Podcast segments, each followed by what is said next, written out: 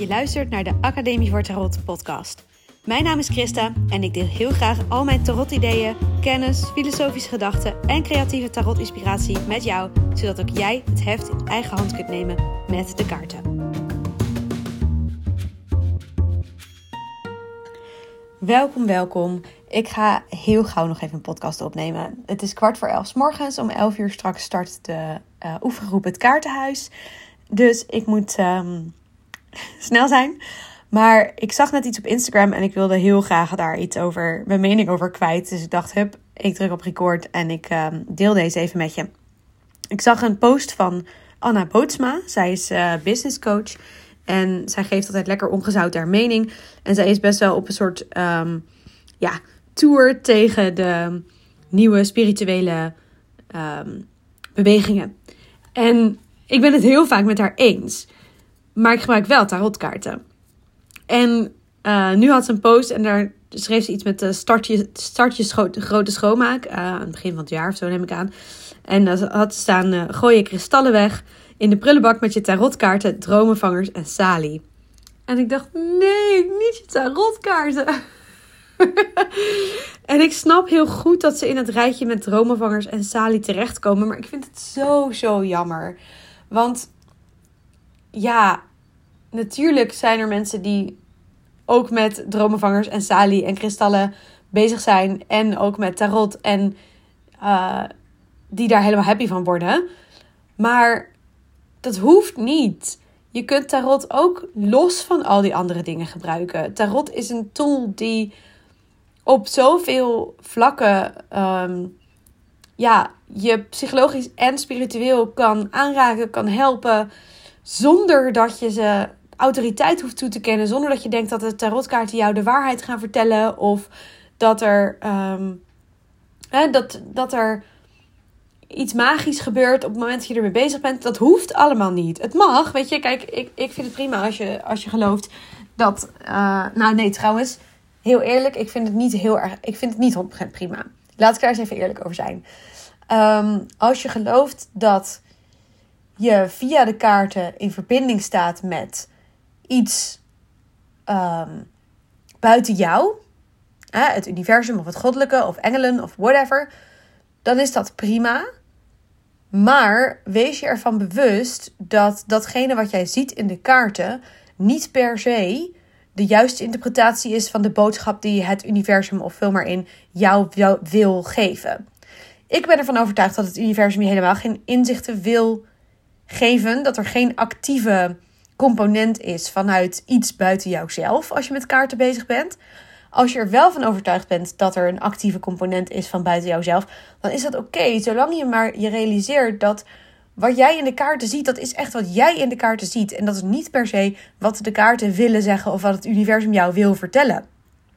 En al was dat zo, al is dat eruit te halen, je weet nooit 100% zeker of je gelijk hebt. Of je dan de juiste interpretatie hebt gepakt. Dus ik denk dan altijd, ja, um, weet je, als je het toch niet zeker kunt weten, kun je er maar beter van uitgaan dat wat je aan het doen bent gewoon een innerlijke dialoog is en niks meer dan dat. En dan dat het maakt het wel zeg maar. Um, ja, dat, ik vind dat handiger, fijner werken. Um, ik voel me heus. Kijk, dat is het, het lastige aan, aan hoe ik het wil. Ik wil dat zo graag genuanceerd uitleggen aan mensen. Als ik kaarten leg, voel ik me wel degelijk soms verbonden met iets groters. Noem het het universum, noem het God, noem het whatever.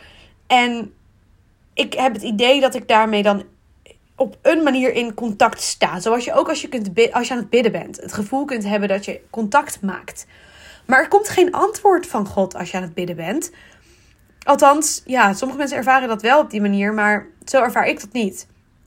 Um, en je weet ook nooit zeker of datgene wat jij ervaart als het antwoord van God, uh, daadwerkelijk het antwoord van God is. Weet je wel? Dus er is nog een verschil tussen een ervaring hebben en geloven, um, of vertrouwen hebben of whatever, en 100% overtuigd zijn en daar dus ook al je beslissingen op baseren of al je, weet je, dan wordt het gevaarlijk. Of, of nou ja, ja, ik vind dat gevaarlijk. Daar ligt een, een grens die, um, ja, een lastige grens. Ik vind het zo'n. Ik vind het. ehm, dit is misschien wel het, het meest eh, ingewikkelde, vind ik zelf.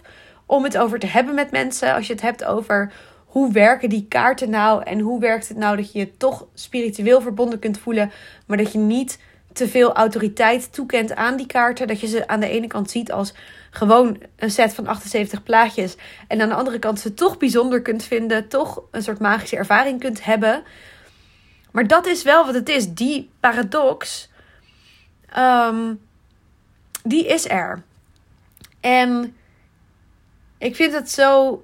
Ja, ik, mijn, ja ik, ik, ik raak getriggerd als ik dus zie dat mensen tarot wegzetten in de hoek van New Age beweging. Of in de hoek van hè, ehm, zweverig geloof. En ja, ik. Oh, ik, ik vind dat zo. Ja, ja, goed. Ik vind het zo jammer. En ik denk dat er zoveel eh, wijsheid te vinden is als we met z'n allen die geloofsovertuigingen er een beetje afhalen. En dan met respect voor iedereen die dat wel, die dat wel wil geloven. Ehm, mijn opname werd heel even onderbroken door de wekker, want ik moet zo echt mezelf klaar gaan maken voor de, eh, de oefengroep.